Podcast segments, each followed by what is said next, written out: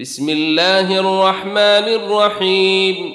القارعة ما القارعة وما أدريك ما القارعة يوم يكون الناس كالفراش المبثوث